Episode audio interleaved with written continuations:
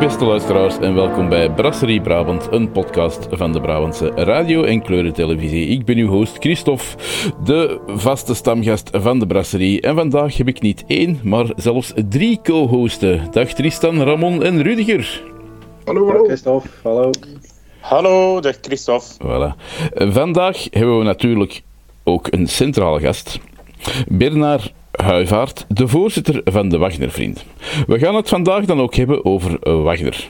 Met de NBB hebben wij het wel eens over de Lohengrin-omwenteling. Een naam die we gaan halen zijn bij de gelijknamige opera van Wagner. Maar wat is dat eigenlijk, die opera? Lohengrin, ja, dat is een muziekstuk van Wagner. Zo kennen we dat. Lohengrin is gebaseerd op de mythe over de zoon van de al even mythische graalkoning Parsifal. Parsifal, Parseval, er zijn... Hè. Eerst even een historische beschouwing over dat verhaaltje.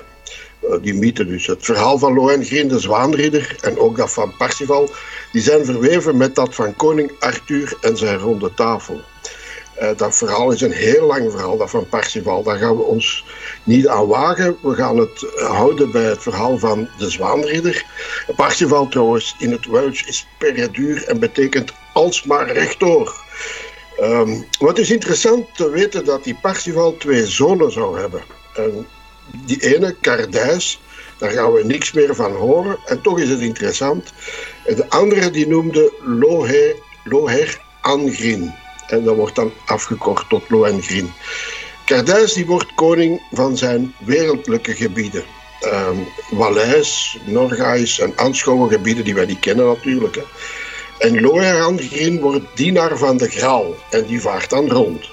De vraag is natuurlijk, is dat een opsplitsing waar de ene de landen heeft en de andere de vloot? Hè? Zou je kunnen uh, als these nemen? Ik ga daar even op in. Dus er is een link tussen de Lohengrin en het water. En dat, dat is een verhaal met veel water en reizen. Uh, de Lohengrin associëren we gemakkelijk met Duitsland, met Rijn, met Engeland, met uh, Tintagel, waar koning Arthur was. Um, en dan uh, zijn er verschillende Europese steden, zoals Boulogne-sur-Mer, Nijmegen, Kleef en Antwerpen, die menen dat het verhaal zich bij hen heeft afgespeeld. Maar dat verklaart natuurlijk de link niet dadelijk, Boulogne, Kleef en Nijmegen. Bij Antwerpen ligt dat iets makkelijker, want Antwerpen is een stad uit Brabant. Het verhaal van die zwaanribber, wel, dat is een middeleeuwse sage over een raadselachtige held die aankomt langs de rivier in een boot. Daar hebben we het weer, dat water, die boot, getrokken door een zwaan. Hij verdedigt met succes de eer van de hertogin van Brabant. Hij huwt met haar, maar hij verbiedt haar ooit te vragen naar zijn aard en herkomst. Die zwaanribber die gold als de stamvader van de hertogen van Brabant. Een leuke anekdote, Godfried van Bouillon zou een kleinzoon zijn van de Zwaanridder. Godfried was de graaf over Neder-Lotharingen. En dat gebied, Neder-Lotharingen, ook weer interessant voor Brabant, is dat is het gebied van de Schelde tot en met de Rijn, maar van boven Friesland tot beneden in Langres, helemaal in, in Frankrijk. Dus en dat zou dan een kleinzoon zijn van die zwaanridder. En dan gaan we verder over het, het, het verhaal van de, van de zelf. Er is dus een Elsa, dochter van de hertog van Brabant. Die man is gestorven. Zijn rechterhand, graaf Telramund, klaagt haar aan wegens broedermoord op haar broer Godfried, ja, de grootvader van die van Bouillon, om zelf over Brabant te kunnen heersen. En hij eist het recht om als opvolger de hertog van Brabant op te volgen, samen met zijn Friese echtgenoot Ortrud.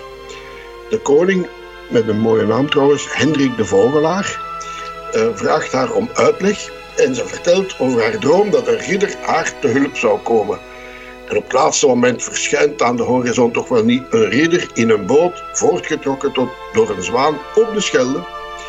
Uh, deze daagt graaf Telramund uit tot een tweegevecht met Elsa's hand als inzet. Hij wint het gevecht, maar laat Telramund in leven. En zo is het verhaal vertrokken. Uh, voilà, dat is mijn introductie over de Lohengrin en de linken met Brabant. En dan gaan we direct naar onze centrale gast, Bernard van de Wagnervrienden, de voorzitter van de Wagnervrienden. Wat zijn dat eigenlijk, de Wagnervrienden? Ja, de Wagnervrienden, uh, dat is een vereniging, een Wagnervereniging, erkend door uh, het RWVI, Richard Wagner Verband Internationaal, Mhm. die gesticht is in 2012. Dus het jaar eigenlijk voor, eh, voor het grote Wagnerjaar, 2000, eh, eh, 2013. En met de bedoeling om dat ook een beetje voor te bereiden. En we hebben, dan die, eh, we hebben dat gesticht. Ehm, we hebben zo'n tachtigtal leden. En eh, onze bedoeling is dus om eh, de muziek, de kunst van Wagner eh, te bestuderen, uit te diepen en ook een beetje te promoten. Ah ja. Ik wil daarbij aanvullen voor eh, Bernard, die ik ook al ben tegengekomen, is er natuurlijk iets dat, In Eh. Bayreuth, ja. voilà, dat eh, logisch is, maar voor jullie, jullie zijn daar misschien minder mee vertrouwd, maar eh Bayreuth, de festspielen waar het werk van Wagner eh, gevierd en opgevoerd wordt, elke zomer opnieuw, behalve 2020 uiteraard. Voor mensen die dat niet weten, is dat misschien verbazend, maar daar moet je echt zes jaar lang wachten, of zeven jaar, voor je aan tickets komt. Sinds een paar jaar hebben ze een licht toegankelijker systeem ingevoerd, maar het is niet evident voor daar naartoe, voor daar tickets voor te krijgen. Maar het is echt wel, ik noem het als, eh, zoals Christophe weet, als eh, stevige ongelovige dat ik ben, is het toch een soort van een bedevaart Mhm. om daar naar een voorstelling te gaan. Het is een bedevaart. Ten meer omdat, eh, ik denk dat Bernard het zal herkennen, maar als je vanuit de stad naar het theater gaat, je wandelt de heuvel op. Het is echt van, iedere man, ja, het, het is een soort van rite. En, Het is een soort tempel, hè, ja. en Ja. waarom, waarom moet je dat als eh Wagneriaan doen? Wat is, de- wat is er... Waarom moet je dat doen? Waarom is dat een Omdat je bedevaart? Ja. Van de muziek van Wagner. Nu, om het ook toch een klein beetje te nuanceren wat Tristan zegt, er worden ook Wagners opgevoerd ja, overal ter wereld. Hè. Dus ook bij ons. Eh, de Munt eh, brengt regelmatig een Wagner. Opera Vlaanderen brengt een Wagner. De Opera Ballet eh, Nederland brengt ook een eh, regelmatig Wagners. Ik herinner mij bijvoorbeeld de, de Ring in Nederland. Die begonnen is eind jaren 90. Dat was, dat is de beste ring des Nibelungen die ik ooit heb gezien. Dus allee, Wagner is niet alleen Bayreuth, maar wordt ook elders opgevoerd. Ja. Maar wat Tristan zegt is inderdaad waar. Dus het gaat om een, eh, om een soort bedevaart naar die, naar die tempel. Om daar te kunnen aanwezig zijn. En om ook de centen daarvoor te kunnen neerleggen. Natuurlijk hebben eh, leden van een Wagnervereniging hebben altijd een voetje voor. Die kunnen gemakkelijker binnen. Dat wel, je betaalt toch nog altijd het bedrag. En dat is ook al een van de vele paradoxen van het Wagnerisme. Namelijk dat Wagner eigenlijk iemand was. Ik ga hier het boek citeren van Freddy Mortier. Wagner, de man die muziek maakte voor het volk. Die dus vanuit een democratisch standpunt werkte. Maar wie daar is, is in feite toch wel de elite. En het is een festival met eh, dames in het lang gekleed en heren in allerlei mooie kledij. Men komt er ook daarvoor. Zie Ja. je? Mhm. Dat is een beetje paradox toch wel. Ja. Ja, ik wou even vragen. Het klopt toch dat Wagner eh, de uitvoering van een aantal opera's alleen maar toestaat aan Boy, de, de, de Wai- Weide daar in, in Bayreuth, hè? Wagner heeft dat inderdaad, want het copyright ontstaat ongeveer eh, in die periode, hè, eind van de 19e eeuw, eh, ontstaat het copyright. En eh, zijn andere, zijn vroege opera's, uh, Lohengrin, Tannhäuser enzovoort, die, worden, die werden over heel Europa gespeeld. Eh, maar hij heeft bijvoorbeeld gezegd, zijn laatste opera, dus de Parsifal, die is van eh, 1882, die mocht louter dus in Bayreuth uitgevoerd worden.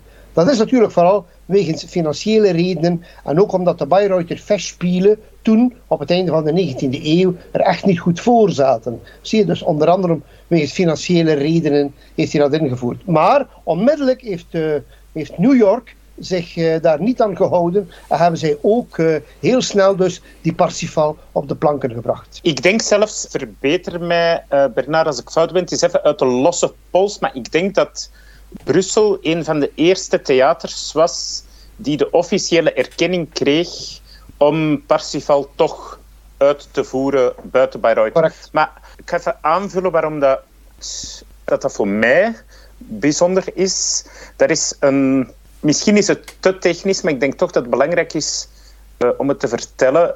Ehm, er is een hele andere opstelling en omgang met de orkestbak, zoals we zeggen. In een normaal operatheater heb je een platte bak, om het zo te zeggen, van gewoon egale vloer waarop dat het orkest zit onoverdekt. En in Bayreuth heb jij een orkestbak die naar beneden gaat en de luidste instrumenten zitten van achter en de, de bak is overdekt en dan gaat de klank van het orkest gaat langs achter samen met de zangers mee de bühne in, waardoor dat je je moet er geweest zijn om het te ervaren. Je krijgt een heel andere, zachtere akoestiek eigenlijk vergeleken. Totaal andere bij- akoestiek.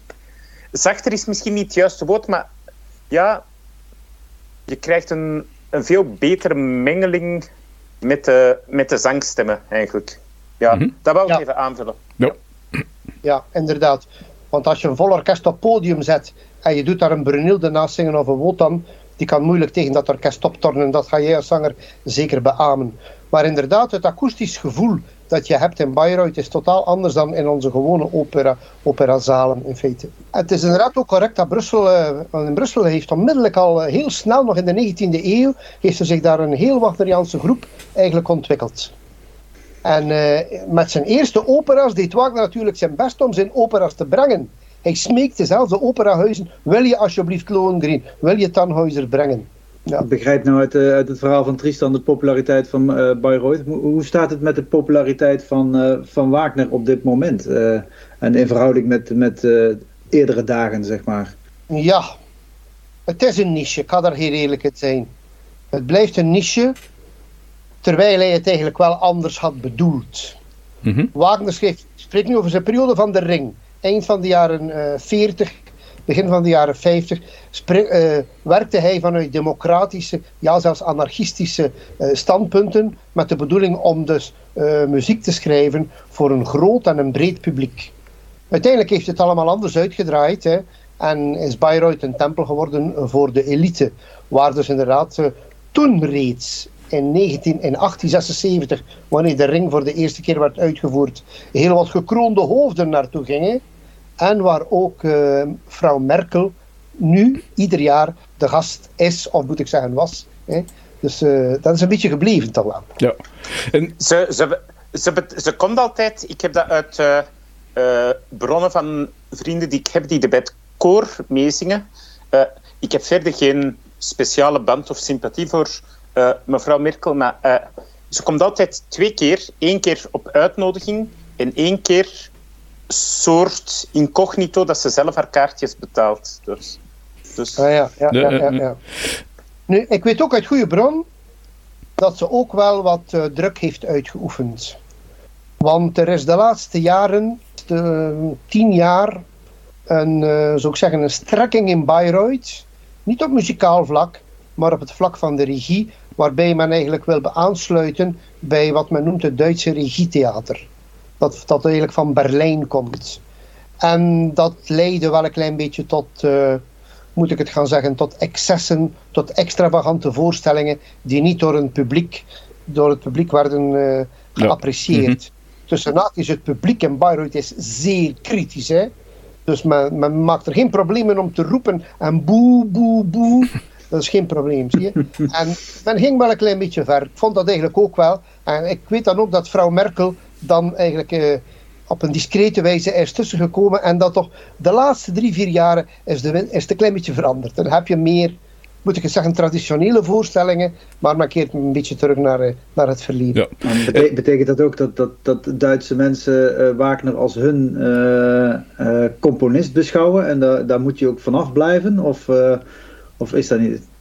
Nee, nee, nee, nee, dat niet, dat niet, dat niet. Maar er bestaat sowieso onder iedereen die Wagner uitvoert, is er een overeenkomst dat men aan de teksten, aan de muziek, die is heilig. Daar kom je niet aan.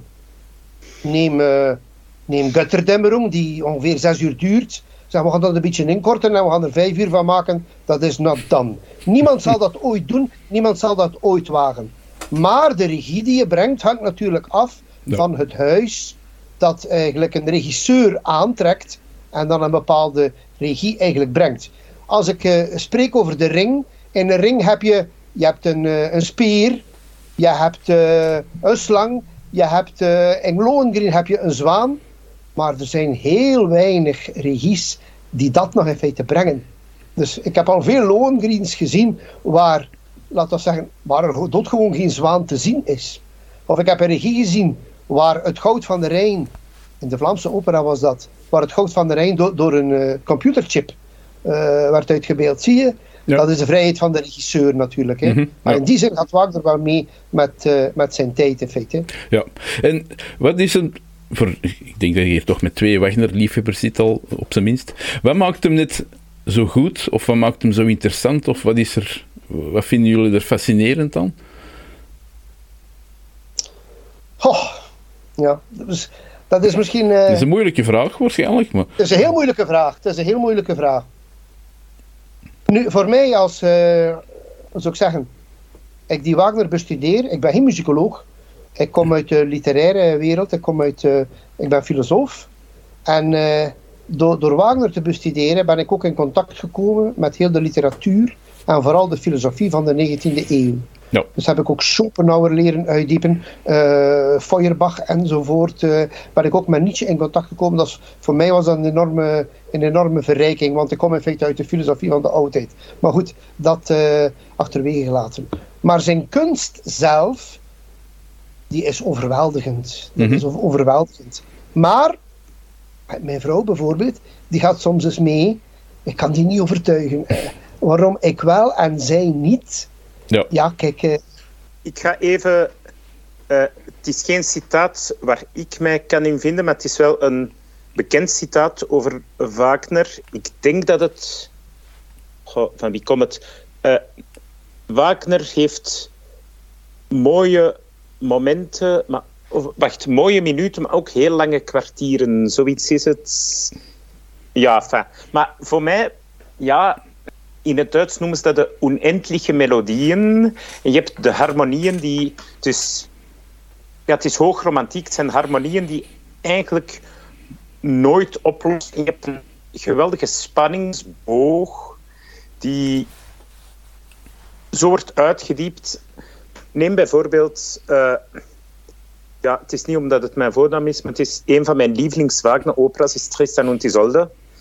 En die begint om ja, als je naar een avondvoorstelling gaat, die begint om zes uur met na vijf maten, denk ik, met het fameuze Tristan-akkoord. En eigenlijk komt de oplossing en de rust na dat akkoord dat vol spanning zit, komt pas pauzes inclusief vijf uur later. Je hebt een hele spanningsboog en al die uh, romantische harmonieën. Ja, ik denk dat dat heeft wel veel mee te maken, denk ik. Ja. Mm -hmm. Ja. Ja, ja alleszins. Ja. Ramon? Maar gewoon niet vergeten, we spreken altijd over operas, dat dat woord eigenlijk verkeerd is. We moeten Aha. spreken over een muziekdrama. Ja. Want Wagner, als Wagner over opera sprak, sprak hij over de 19e eeuwse opera, een Rossini, een Bellini, eh, over de bel canto, wat hij haatte. Hè? Ja. Want dat, dat staat de kunst louter in dienst van de mooie zang, en dat is verkeerd. Mm -hmm. Kunst dient om theater te brengen, om een drama te brengen en om bepaalde filosofische en literaire ideeën uit te diepen. Dus het woord staat centraal. Men spreekt altijd over de muziek van Wagner. En Tristan heeft natuurlijk gelijk dat die, dat, dat die heel, heel mooi is. Maar de, eh, de muziek dient altijd het woord. Dat mogen we niet vergeten. Dat En betekent dus ook dat er heel wat sprechgezang is. hè. Mhm. Dus wat heel dicht aanleunt bij onze taal. Je hebt die mooie momenten, hè? maar als je bijvoorbeeld, ik zeg maar iets, de tweede, tweede bedrijf van de Walkuren neemt, dat eerste drie kwartier, dat is, dat is sprechgezang. Zeer belangrijk om, om het drama in zijn totaliteit te begrijpen, maar echte mooie muzikale momenten heb je daar niet. Ja. Zie je? Mhm. En o- over dat woord gesproken, eh, Bernard, want, eh, ik, was wel gefascineerd door wat je zei van eh, het verschil wat er is tussen eh, de, de, ehm, de antieke eh, benadering zeg maar, van de filosofie en eh, wat Wagner eigenlijk toevoegde of nieuw bracht.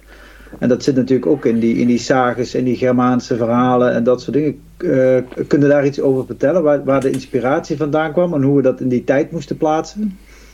Ja, ik ga eerst eh, misschien toch kort iets zeggen over, eh, over de oudheid. Want Wagner hield enorm van de oudheid. kende ook de Griekse oudheid, kende geen Grieks. Hè? Maar hij las in vertalingen. En Wagner heeft zich heel sterk laten inspireren door de Griekse tragedie. Ja. De Griekse tragedie, er zijn drie grote dramaturgen. En dus de eerste, Aeschylus, daar is hij tot op de dag van zijn sterven, sprak hij eigenlijk over Aeschylus. Dus Aeschylus, die eh, in een trilogie schreef, met nog een zaterstuk. Dat zijn er vier. En als je naar de ring kijkt, het zijn ook vier, eh, vier werken in feite. Dus hij werd daar heel sterk door beïnvloed. Ook omdat dus in de Griekse tragedie was er een eenheid van kunst en religie. Dat was voor Wagner enorm belangrijk. Kunst, literatuur, religie, muziek, hè, dat was allemaal één geheel. Wagner was altijd iemand die synthetisch dacht. Die dus verschillende kunstvormen probeerde bij elkaar te brengen. Vergeet niet, we spreken over Bayreuth. Die heeft dat natuurlijk niet zelf gebouwd, heeft het wel laten bouwen. Hè? Dus hij schreef ook zijn teksten. Hij schreef de muziek. Hij, hij maakte de regie. Ja, het was echt een universele kunstenaar. En we spreken ook wel over het gezamtkunstwerk. Mhm. Ja. Anderzijds is hij ook een romanticus. En een romanticus, hij gaat dus gaan eh, graven in de romantiek, eh, in de, liever in de middeleeuwse zagen, eh, die in, in, de Duitse, in de Duitse middeleeuwen dus in feite voorkwamen. Dat was nog relatief onontgonnen terrein. Nu kennen filologen dat allemaal, hebben dat allemaal bestudeerd, maar voor Wagner was dat allemaal tamelijk nieuw. En hij gaat dus bespreken over Lohengrin. Ja, maar hij heeft dus al die middeleeuwse verhalen, ook de Franse, de Franse literaire bron, die heeft dat allemaal doorploeterd om dan daaruit ideeën te distilleren en van zo'n analytisch materiaal eigenlijk een synthese te maken die iets schitterends brengt. Mhm. Ja, ik, ik, ik, eh, ik zit te denken, ik hoor het woord drama en ik ben ooit op een, eh, van een retraite van in Maretsuda teruggekomen. Ik had daar een cd'tje gekocht van Wagner en op de terugweg in Dienand was daar een reusachtig onweer. En dan die, die, die, die cd met Wagner in de radio, in de auto, met die bliksem, dat was fantastisch. Dat, ondersteunt heel sterk een bestaand drama. Hè. Ik denk aan de, de helikopters in die Amerikaanse Vietnamfilm. eh, ja, en die, die niet alleen. Hè. Ook eh, de nazi's vonden dat blijkbaar eh, muziek die ze konden misbruiken. Hè. Ja en nee. Ja en nee. Hitler was, hield enorm van Wagner. Of de nazi's dat wel deden, dat weet ik niet. Ah ja. Eh, ik, weet, ik weet wel, ze gingen naar Bayreuth. Hitler ging naar Bayreuth. Werd daar heel vriendelijk ontvangen door Winifred Wagner. Eh, maar die nazi's, die gingen, nazi-kopstukken van de SS en zo, die gingen mee. Maar die dronken liever pinten dan daar eh, zes uur naar Götterdammer om te luisteren. Zoals je van SS'ers wel een beetje kunt, Ja, kunt verwachten eigenlijk. Maar het is inderdaad, dat is heel correct. Hitler had een echte fascinatie al van in zijn jeugd eigenlijk voor, eh, voor Wagner. Ja.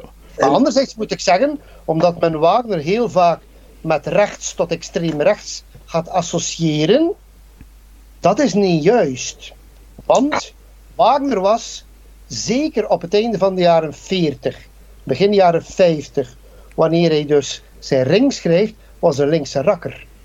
Mag dat niet vergeten. Wagner heeft al die ideeën opgedaan, dus die, die, die linkse socialistisch-anarchistische ideeën, op het einde van de jaren 30, dus 1830. Hij was toen in Parijs en daar eh, was er heel veel, eh zou ik zeggen, heel wat filosofen die met vernieuwende eh, linkse ideeën afk- afkwamen. Allee, Proudhon bijvoorbeeld, dat is een hele bekende, hè, met La propriété, c'est le vol. Dat was een bekende uitspraak. En dat heeft Wagner zeer goed onthouden. Hij is daar in Dresden gekomen. En dus dat revolutionaire vuur eh, staat ook wel een beetje over in, eh, na- naar Duitsland. Misschien in mindere mate. U weet dat dat Duit in Frankrijk dan in 1848 tot een enorme revolutie is geleid. Ook in Dresden, een jaartje later. 1849. Nu weten we uit historische bronnen dat Wagner dus in de revolutie van 1849 in Dresden op de barricade stond. Zie je? Ja. Mhm. Dus dat hij echt, ja ja. Dat, dat is Eh, trouwens, een hele goede vriend van Wagner dan, dus in Dresden, was de anarchistische filosoof Bakunin. Je had daar zeer nauw contact mee. Ja. Ja. En ho- hoe komt het dan, denkt u, dat, eh, gelijk dat je er juist zei, dat uh, extreem rechts en extreem rechts zo hard dweept met Wagner en dat in veel milieus Wagner direct gekoppeld wordt aan, aan, aan nazi's en extreem rechts. Ja, omdat hij inderdaad, eh, de nazi's hebben dat inderdaad, of Hitler heeft dat heel zeker misbruikt. Hè? Mhm. Ja. Zoals ze ook Nietzsche hebben misbruikt. Ja. Als je naar het uh, sterfhuis gaat van Nietzsche in Weimar, waar zijn zus hem heeft opgevangen in zijn laatste jaren, krankzinnige jaren, maar niet te gelaten zoals het is, dat hangt ook vol nazi-propaganda. Mhm. Nu, Nietzsche was alles behalve racist of... Uh, Ja. zie je, men heeft, men heeft die eigenlijk ook, eh, ook misbruikt. Natuurlijk gaat men dan dat extreemrechtse gedachtengoed van Hitler en aanverwanten, zal ik maar zeggen, gaat men gaan koppelen met het antisemitisme van Wagner. Mhm. Wat ik niet ga ontkennen, want Wagner was een antisemiet. Ja. Daar, Lu- Luther ook. Luther ook bijvoorbeeld. Ja, maar ja, vele groten Mhm. uit onze, eh, Ja. uit onze, zou ik zeggen, geschiedenis en spiritualiteit en zo. Ik zeg dat niet om Wagner te, te verschonen. Hè? Want Nee, nee, dat ook is openlijk klein- te kant Wagner van was een antisemiet en wij betreuren dat. Wagner is was het, een eh, enorme manipulator van, van vrouwen vooral, eh, die hij misbruikt om vooral om aan geld te geraken en zo. Wij betreuren dat ook. Ja. Maar wij houden ons bezig met de kunst van Wagner. Mhm. Zie je? En dat is het verschil. Ja, want klopt het dat jullie, er bestaat in, in Vlaanderen nog een ander Wagner-gezelschap, als ik, als ik juist ben, hè? Dat, eh, het Vlaamse genootschap of het Vlaams Wagner-genootschap. Vlaams Wagnergenootschap, ja. Ja, eh, komen jullie daaruit of zijn, of zijn jullie eruit gegroeid of, is dat, of zijn dat twee aparte dingen?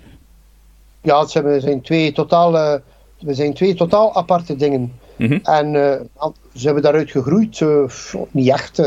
Allee, we zijn geen afscheuring of zo. Nee. Maar natuurlijk kenden de individuen die dat tien jaar geleden hebben gesticht, wij kenden elkaar vanuit, die, vanuit die oudere Wagnervereniging. Mhm. En daarom hebben wij beslist om eigenlijk vanuit, vanuit een ander standpunt te vertrekken. Ja. En als je dan eens tijd hebt, moet je maar een keer onze statuten nalezen. Mhm. Artikel 3. Daarom hebben we dat heel speciaal er willen inzetten. Dat dus de vereniging zelf elke discriminatie op basis van sekse, geloof, filosofie, eh, afkomst, en, gender enzovoort enzovoort eh, veroordeelt. Ja. Hoe gesloten is uw gezelschap? Kan ik lid worden? Kan iedereen lid worden? Zijn wij welkom? Iedereen is welkom. Iedereen is welkom, uiteraard. Wij zijn niet gesloten. Integendeel, hoe meer, hoe liever. Wat ik zeg, we zijn met eh, een stuk of tachtig. Eh, Ja. we zouden liever met eh 300 zijn. Mhm. Ja. En jullie organiseren dus dingen zoals Beirut? Nee, wij organiseren dat niet, hè. Wij Kan krijgen bedoel, kaarten. krijgen- bedoel.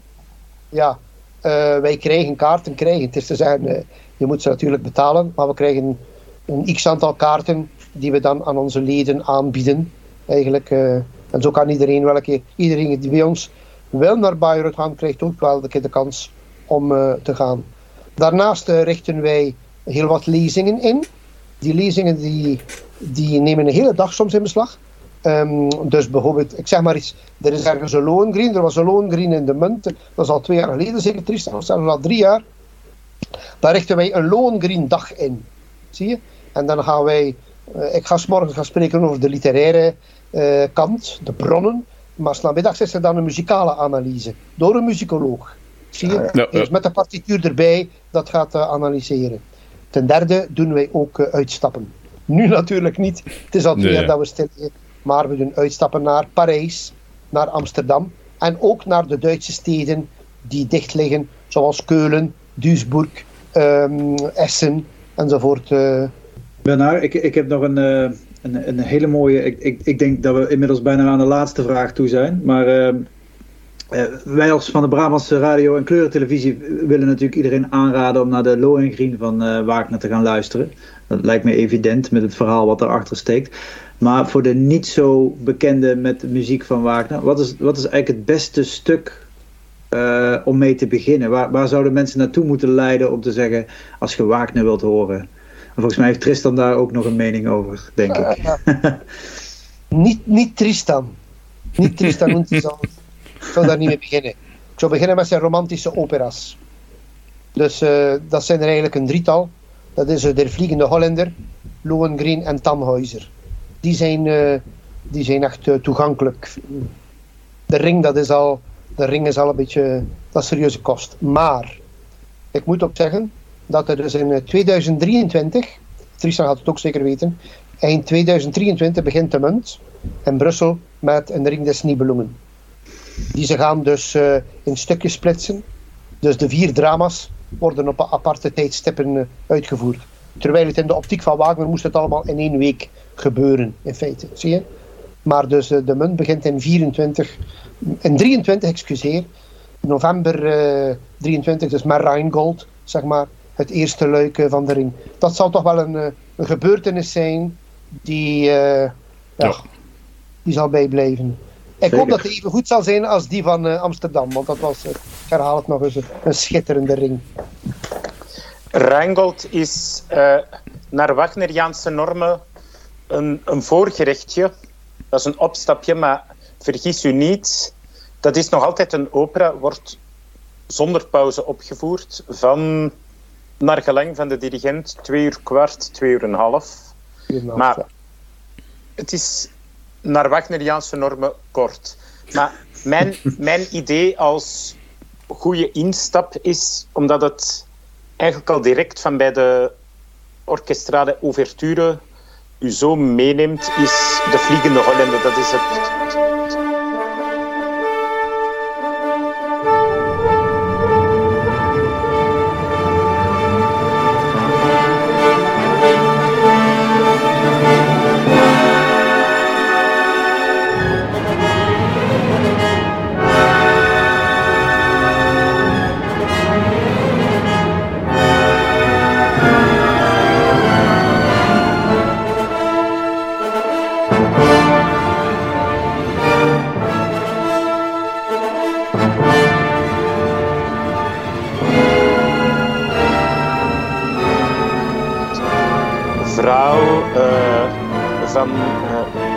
spookschip en de zeven jaar dat hij moet zoeken. En dan komt hij terug aan land om een vrouw te vinden die met hem mee wilt om zijn eeuwige verdemmenis en uh, zijn vloek te doorbreken. Maar, en ik denk een vliegende Hollander, dat zal ook iets van twee uur en een kwart zijn, Bernard? Zoiets? Ja, ja, pak maar twee uur en een half. Ja, ja. ja. Maar Zonder pauze. Al, ja, ja.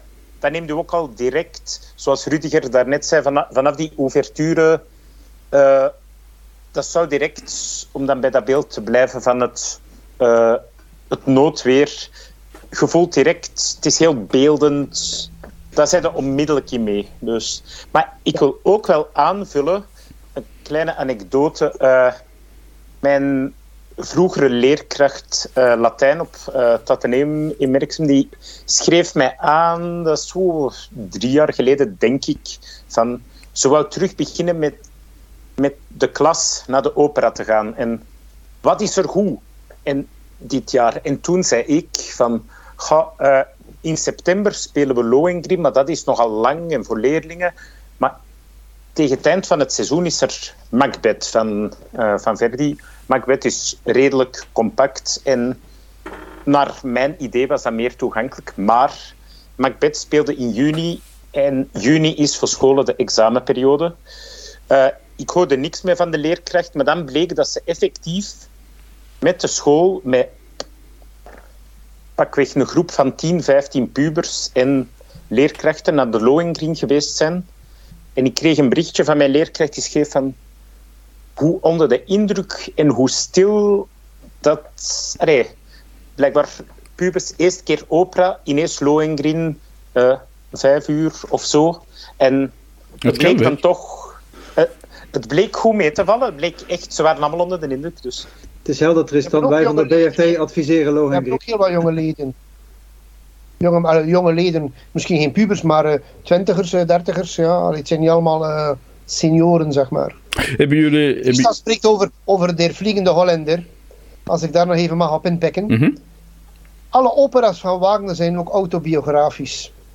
En gaan over Wagner zelf. Want de vliegende Hollander is iemand die eigenlijk voortdurend aan het wandelen is, voortdurend op, aan het zwerven is, aan het zoeken naar Dat is Wagner zelf. Ja. mhm. Lohengrin. In Lohengrin. Die, die man, Lohengrin, eist dus een absolute trouw van Elsa. Dat ze niet meer naar, naar zijn, naar zijn eh, identiteit vragen. Dat gaat eigenlijk ook over Wagner zelf. Die aan zijn vrouw zegt, Mina, dat ze moet geloven, eh, geloof moet hebben in zijn artistiek talent. En trouw moet zijn aan, aan zijn, in zijn artistiek talent. Zie je? Mhm. Dus Wagner is ook, Wagner is, als ik de ring bekijk, Wagner is ook Wotan. En Wagner is ook Siegfried. De wanderlust van Wagner. Wagnerlust. Ja, ja, ja, maar ja, dus eh, de Wanderlust, eh, die, die, die al komt van... Wagner gaat ook enorm veel overnemen van de vroege romantiek. Ik heb er ook nog een lezing over gegeven. Dus over de vergelijking Wagner-Schubert. Schubert is vroege romantiek. En dus het wandelen, het, eh, het zwerven, dat is typisch voor, eh, voor, voor de vroege romantiek. Maar Wagner neemt dat ook over. Hè. Want dus in, in Siegfried, tweede bedrijf, Wotan verandert van naam. En die noemt zichzelf Der Wanderer. Zie je? Ja. mhm. Nog eens, heel die 19e eeuw komt daar weer in terug. Ja, het lijkt mij ongelooflijk interessant om eens, als, als, vanaf dat het terug ergens kan, een lezing te komen, te komen volgen over, over Wagner. Ah, maar je bent uiteraard ook welkom, je moet daarvoor geen lid zijn. Hè. Mhm. Als je zegt, ik een keer, eh, mag ik een keer komen of zo, dan is dat geen, eh, Hebben, u- dat is geen probleem. hebben jullie een website of zo? Ja, wagnervrienden.be Mhm. en ook eh, op Facebook. Op Facebook hebben we ook een forum waar ook niet-leden eventueel iets kunnen posten. Ik vond dit een heel eh, boeiende uitzending. Eh, hè, want je ziet dat die man eigenlijk heel diepe wortels heeft. Hè. En, en ik vind dat wel mooi om met iemand te spreken die daar dan heel diep ingaat, ook in zo'n om. Ja, ik vond het wel heel boeiend. Voor mij, ik, ik moet zeggen, als intro, ik zou eerder aanbevelen, koop een cd met de best of. En een onweer. En een onweer. En een onweer. De, de Walkure begint met een onweer. De eerste act van de Walkure begint met een schitterend onweer. En ook natuurlijk in Der Vliegende Hollander heb je het onweer. Maar nog even, ook, eh, we hebben ook eh ehm, Freddy Mortier nog niet vermeld. Mhm. Freddy Mortier is prof eh, in Gent, eh, nu op emeritaat. Maar die heeft dus een, een heel boeiend boek geschreven. Dat heet Wagner de man die, lid van onze vereniging, de man die eh, opera's maakte voor het volk. En Ja. daar kun je als niet-Wagneriaan echt eh, heel, goed, eh, heel goed in terecht, denk ik. Het zou ons nog een paar uur verder leiden. Bernard zal dat beamen, maar eh, de familiegeschiedenis eh, die nu nog, altijd, nu nog altijd verder loopt, dat zijn boeken geschreven over de fameuze Winifred Wagner. Winifred Wagner is de eh, vrouw die met Siegfried, eh, de zoon van Wagner, getrouwd is. Siegfried was vermoedelijk... Enfin, Homoseksueel. voilà, het, eh, ik weet niet of het ergens bevestigd is, maar hij is dan toch ge- getrouwd met Winifred.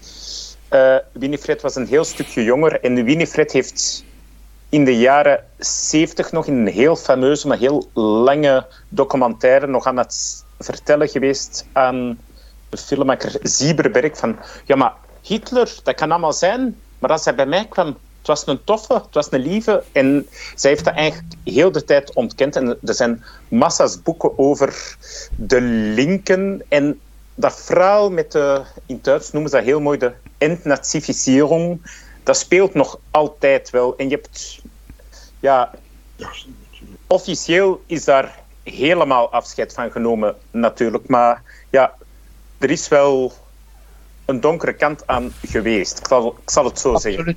Absoluut. Ik Ja. eh, dat zeker niet ontkennen. En, en Winifred heeft zeker een heel, heel slechte rol gespeeld Voilà, door. Hitler binnen te halen. Nu, na de dood van Wagner in 83, wanneer dus zijn tweede vrouw, Cosima, eigenlijk het roer overneemt. Cosima was ook duidelijk antisemiet. Nog veel antisemieter dan, dan Richard zelf.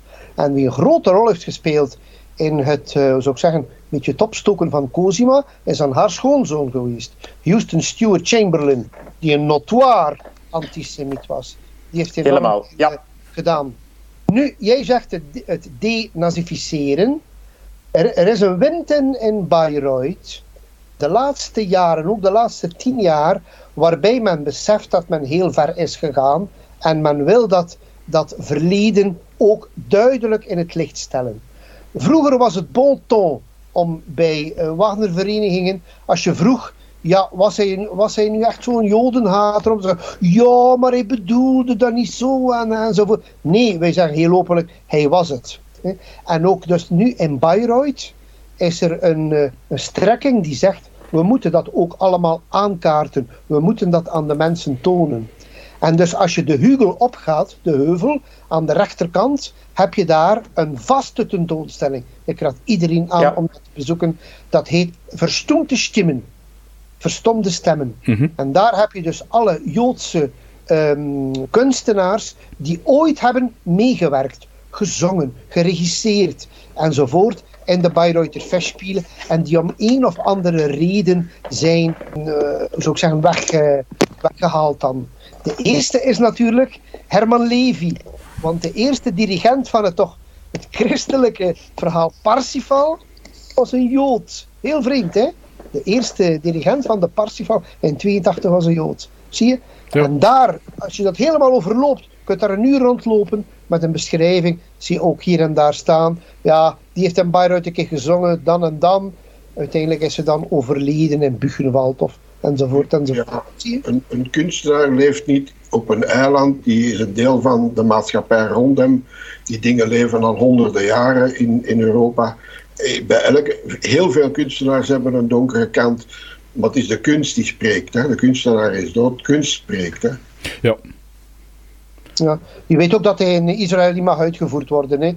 Of dat hij. Uh, dat dat, uh, maar dat bijvoorbeeld Barenboim, Daniel Barenboim, toch een hele grote muzikus, dirigent, uh, ook pianist. die trouwens een orkest heeft dat bestaat uit half uit Palestijnen en half uit Joden. Allee, om van, zou ik zeggen, overeenkomst te spreken. Dat hij pleit om Wagner eigenlijk te spelen. ja. Ja, maar om af te ronden, deze geweldig interessante aflevering van de podcast, vind ik het een, absolute goede eerste instap in het Wagnerisme. En we willen van deze eerste podcastaflevering, alleen van deze podcastaflevering natuurlijk ook geen Wagneriaanse opera maken. Dus ik denk dat we nu best uh, moeten afronden. Maar ik wil absoluut onze gast bedanken voor zijn heldere uitleg. En voor zijn aanwezigheid hier bij ons in de podcast.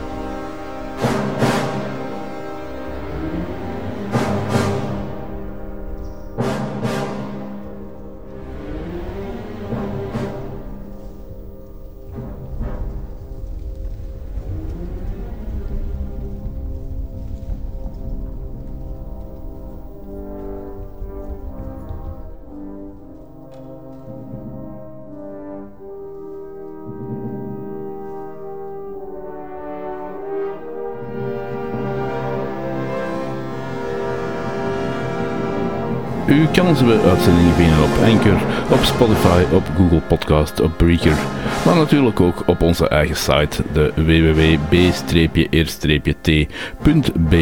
Daarop vindt u al onze afleveringen. De podcast van de BRT blijft altijd gratis te beluisteren, maar steun is altijd welkom. Ook op onze site kan u een stukje vinden uh, steun en daar kan u steun geven waarmee wij dan onze kosten kunnen dragen. Of u kan ook steun geven via onze partners, de Nieuw-Brabantse Kunst, waar u items kan kopen in onze webshop, zoals Brabantse patches, een Brabantse vlag, een Brabantse pin en ook schilderijen of andere kunstwerken. Ik zou zeggen, ga zeker eens kijken op de Nieuw-Brabantse Kunst.be. Dat was het voor deze keer. Bedankt allemaal en tot de volgende keer. van de BRT.